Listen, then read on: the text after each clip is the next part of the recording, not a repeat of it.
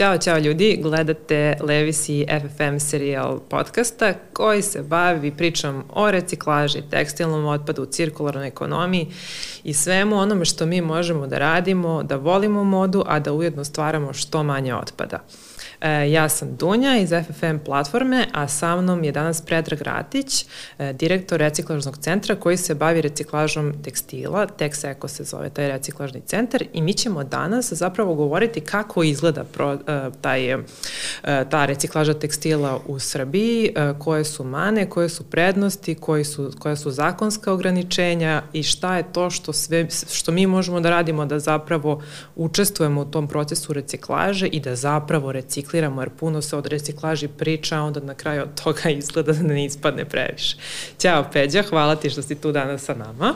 Ćao Dunja, hvala te što nas pozvala. E, ja bih ti odmah postavila pitanje, dakle da ne uvodim ja u tu reciklažu koje znam puno manje nego ti.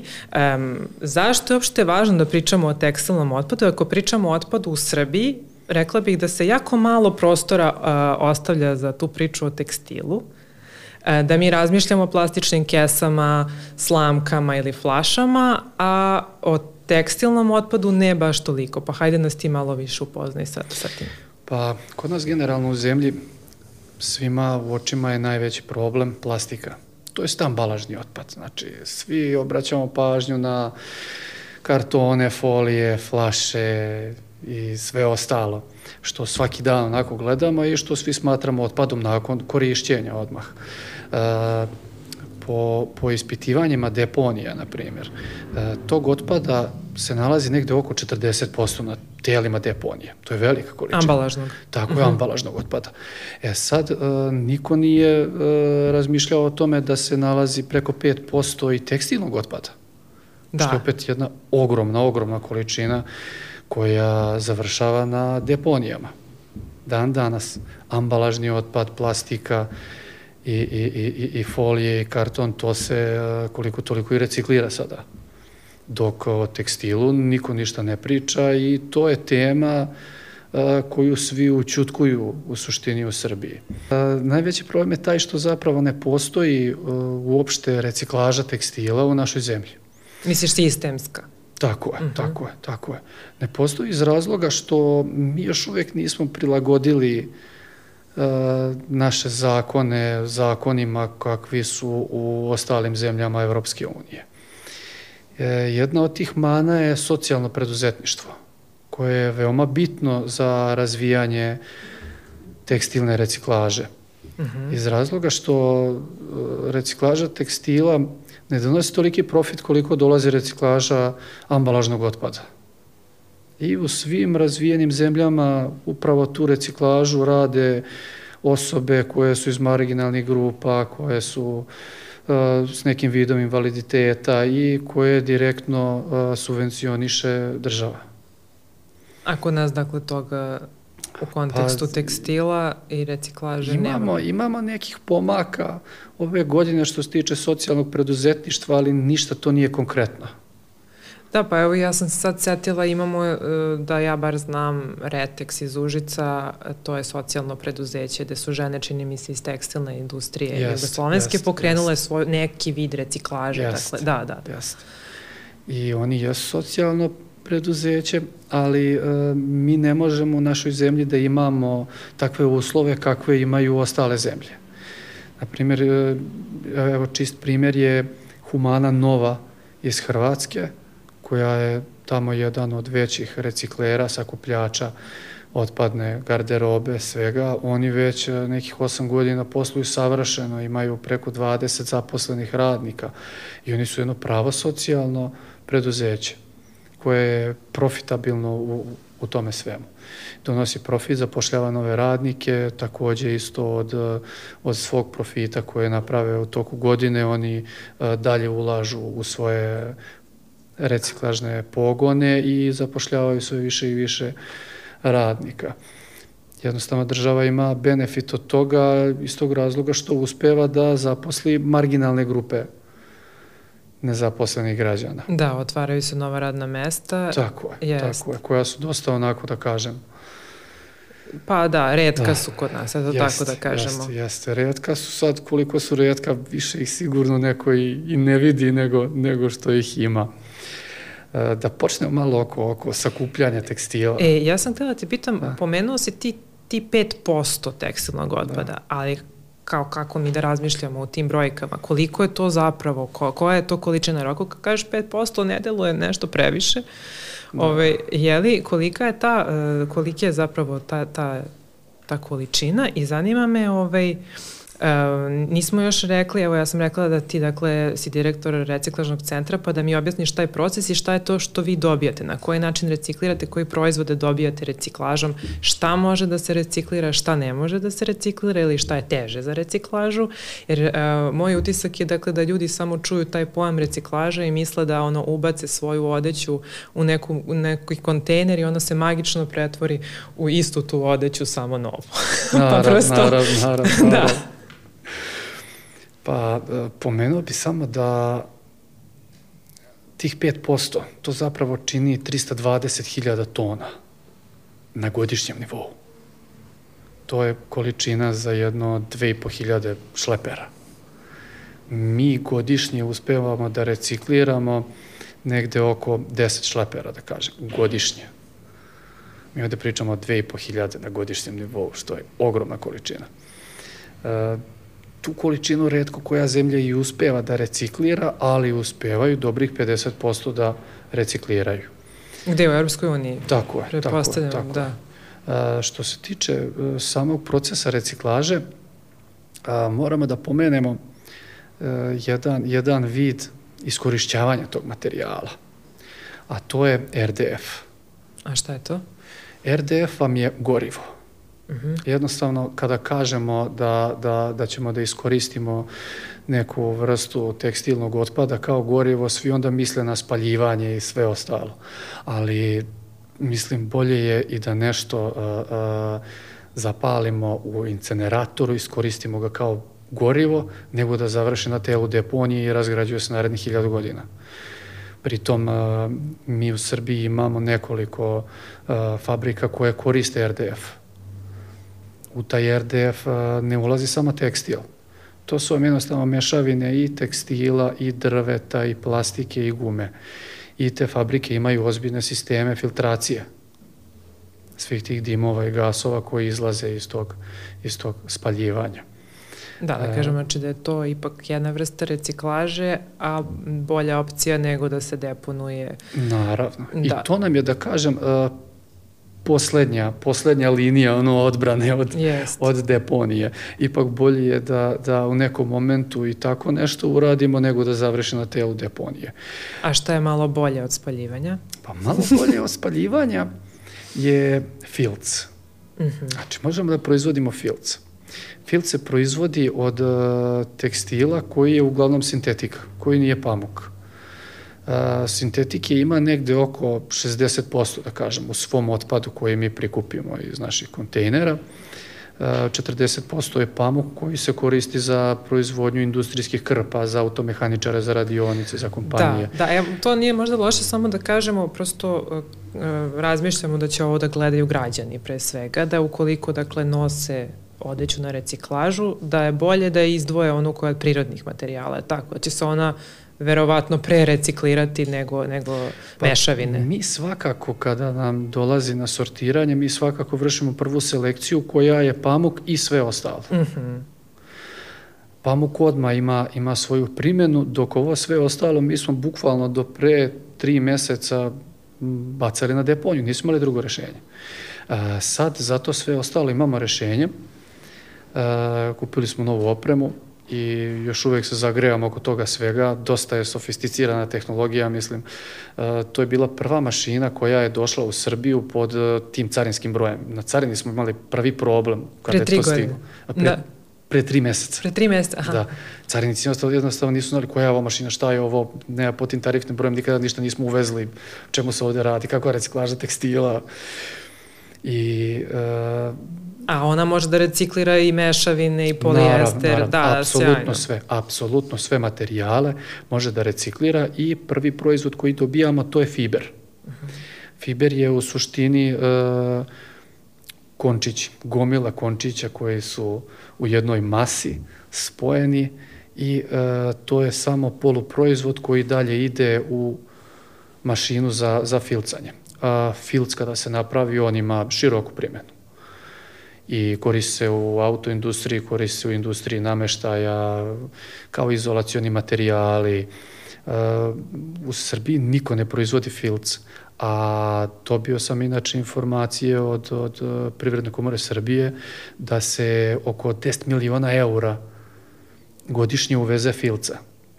I to iz Aha. zemalja u okruženju. Da, da, da, mi nemamo svoje recikle, a zapravo evo nemamo. imamo sad. tako je, tako je, tako je. Sada imamo. Tako da to je, to je neko rešenje koje je naj, najprikladnije za, za reciklažu tekstila, to je svih tih ostalih materijala koji nisu pamuk. Opet tu imamo problem koji nam ostaje sa obućom obuća se generalno ne može reciklirati. Zato da. što je sastavljena iz više materijala, imamo tu i gume i jako mnogo je potrebno rada da bismo uspeli da, da jednu, na primjer, patiku i odlepimo da. i razdvojimo pertle na jednu stranu, gornji deo na drugu, džon na treću, mislim, to je proces opasan. Veoma je skup. Tako da uh, mi smo se odlučili da obuća koja ne može da se iskoristi, na primjer, koju ne možemo nikome ni da, ni da doniramo, da ona opet uh, završava kao RDF taj. Znači u spalionica. Tako je, tako je, tako je, da bar nešto iskoristimo od toga. Da, da, ipak ima neku primjenu, dakle, kao gorivo, a ne da završi narav, na, narav. na deponiji. Um, ti si uh, imao, dakle, ti sakupljaš, sakupljaš uh, taj, da kažemo, tekstilni otpad uh, i od građana, i imao si postavljene, imaš postavljene kontejnere u, u raznim gradovima naravno, širom naravno. Srbije, a imao si i u Beogradu i, ovaj, i mi ovo preko FFM-a smo dobijali baš dosta upita vezano za te kontejnere, gde su, šta se s, njim de, s njima desilo, oni su bili tu pa, ih, pa su onda u jednom trenutku nestali. Da, da, da. da. šta se tu dogodilo? Pa, gde su kontejneri?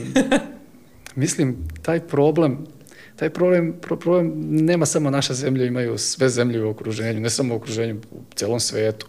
A to je problem sa obijanjem kontejnera. Znači, jednostavno, u jednom momentu su imali situaciju da su imali više obijenih kontejnera po Beogradu nego ovih što su, što su zatvoreni i što rade. I imali smo normalno pritisak od grada, mislim, to je ruglo kad se kontejner obije, tu gomile garderobe okolo razbacana, svašta jako ružno izgleda mi smo se borili, borili, borili oko toga svega, pošto svaki put kad se obije kontejner moramo da ga nosimo, da ga remontujemo, da ga opet farbamo, sređujemo, vraćamo nazad. I onda, onda smo odustali. I zadnje dve godine mi pokušavamo da pronađemo način kako da, da postavimo kontejnere na neke lokacije koje su bezbednije. I bilo je tu raznih apela i tržnim centrima i e, benzinskim pumpama, znači koliko toliko da bude onako na nekoj boljoj lokaciji. Od tržnih, da. od tržnih centara smo, na primjer, tražili samo da nam daju jedno parking mesto. Uh -huh. Ako bi se mogli da stavimo osam kontejnera koji bi zadovoljilo a, potrebe čitavog bloka, ono, naselja tipa, ali ovaj... A da, da ipak kao ima neka vrsta obezbeđenja. Naravno, da, da. naravno, naravno. Međutim, e, od, od nove godine građani će već da vide sprema se jedna veoma, veoma lepa marketiška kampanja od jedne kompanije iz Srbije koja prodaje sportsku opremu, ne bih sada navodim koja je, ali ovaj, u suštini od nove godine e, u svim gradovima i opštinama u Srbiji svi građani će da imaju mogućnost da recikliraju svoju odeću i obuću. Dobro, ali ništa se dakle nije desilo sa tim kontejnerima koji bi bili, da kažemo, javni, ono, za građane, ne... Nije, nije. To još uvek nismo uspeli da rešimo. Da. Ali mislim da će nam ovo biti od sledeće godine jedan pomak, da kažem. Pa ne, mislim svakako, evo i ovo što pričamo sada o tekstilnom otpadu, ovaj, ovim putem na ovaj način je pomak, rekla bih. Eto. Jeste, jeste, veliki da. pomak. Da, eto, možda bi čuo neko istražnog centra i odlučio da ipak nije loša akcija da postoje kontejneri ili na pumpama ili tako na tim nekim mestima koje si pomenuje. Zaista bi bilo lepo da mi kao građani možemo da... Naravno, problem nije u građanima. Građani žele da recikliraju, ali jednostavno mi moramo njima da omogućimo tako nešto. Da, Pa tako je, naravno mi nemamo baš previše mogućnosti, mislim ovde su rešenja sistemska, uh, sistemska rešenja fale, to je, to je tako prosto je, da. Tako je. Ali eto, hajde da pričamo o njima, da vidimo ovaj, šta je sve to što postoji, jer nismo ni mi dovoljno informisani šta bismo sve mogli da uradimo. Evo kažem, reciklaža deluje kao ta neka mistična čarobna stvar koja će rešiti e, planetu od otpada, a zapravo koliko ljudi zna da pod nju spada ispaljivanje i jeli, sortiranje i prosto da ne može baš sve da se reciklira. Evo do pre tri meseca je ogromna količina tekstila zapravo završavala na otpadu, je li tako? Naravno, naravno, da. su imali drugo rešenje za... Da, da, da, da, da. Tako da je to sve proces reciklaže, dakle i deponovanje, naravno, naravno. i sortiranje i zapravo recikliranje i dobijanje novih nekih predmeta od, od eh, tekstila. Um, Da li su korporacije kod nas, eto pomenuo si neki brendove, da li su korporacije kod nas uopšte uslovljene zakonom da brinu o svom uh, otpadu i na koji način? Koliko je zapravo to ekološki? Pa, uh, naš zakon je dobar, ali se ne primenjuje baš kako bi trebalo da kažem. A, ja bih podelio sad malo te otpade, znači mi imamo uh, otpade od građanstva, da kažem. Znači to je odeća, obuća, posteljine, kućni Nameštaj, otpad, da. sve da. ostalo. Da. A imamo isto industrijski tekstilni otpad.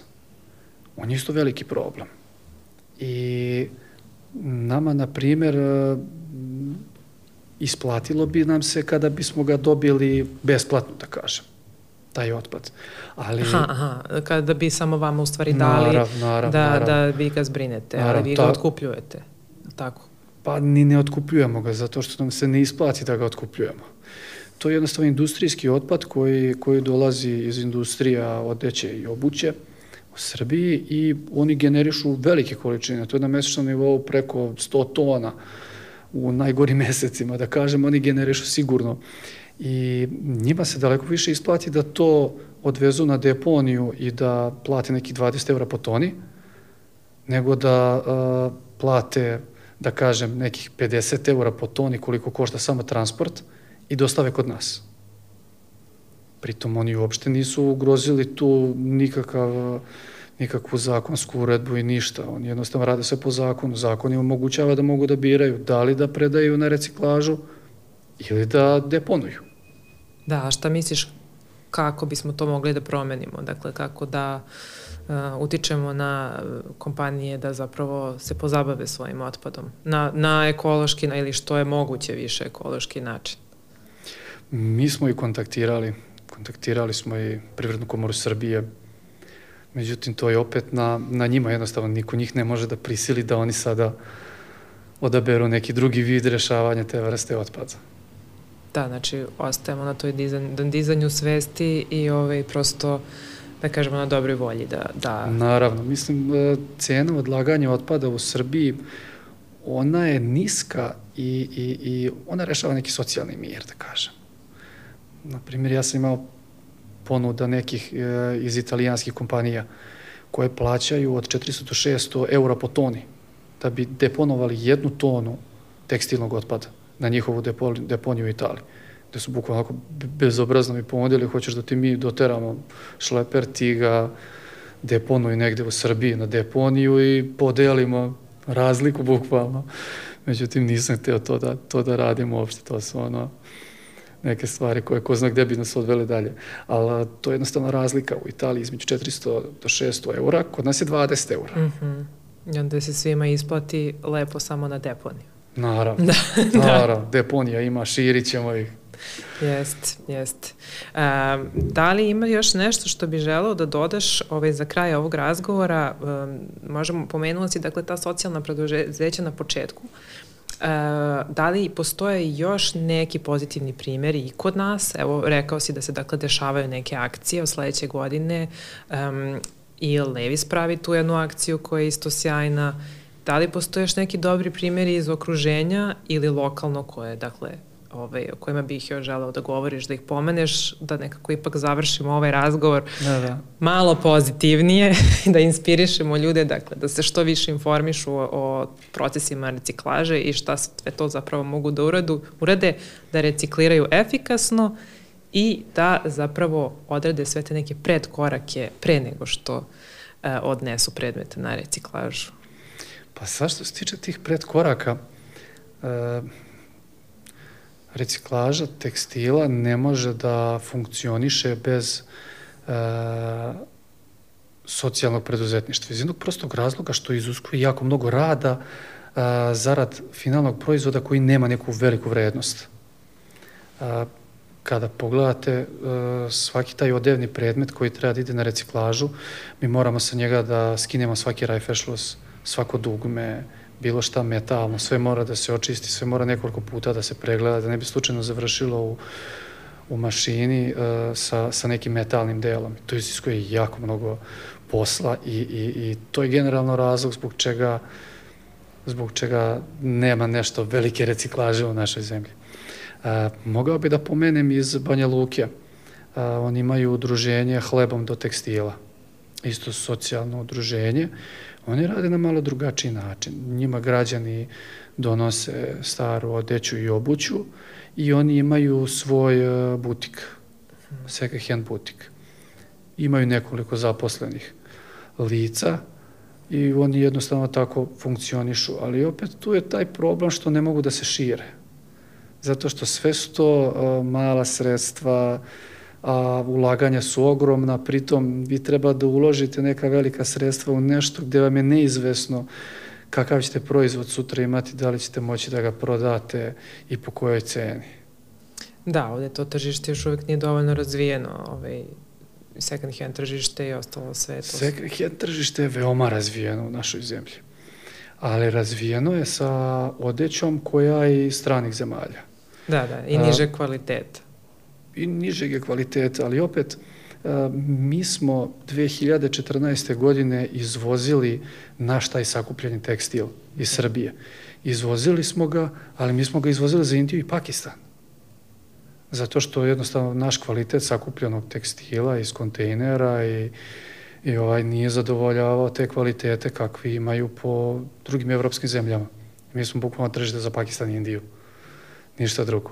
Da. Drugačije je kada na primjer, radite reciklažu tekstila u Nemačkoj nekoj ili u Francuskoj ili u Italiji, uh, dosta je kvalitetnija garderoba koja se, koja se baca, da kažem, u kontejner i oni jednostavno imaju profit od prodaje second hand garderobe. Kod nas je to, mislim, nama je jedini profit tih nekih 50% pamuka što ćemo da izdvojimo i prodamo kao industrijske krpe. Da, to ćete reciklirati u stvari. Naravno, naravno, krpe. naravno.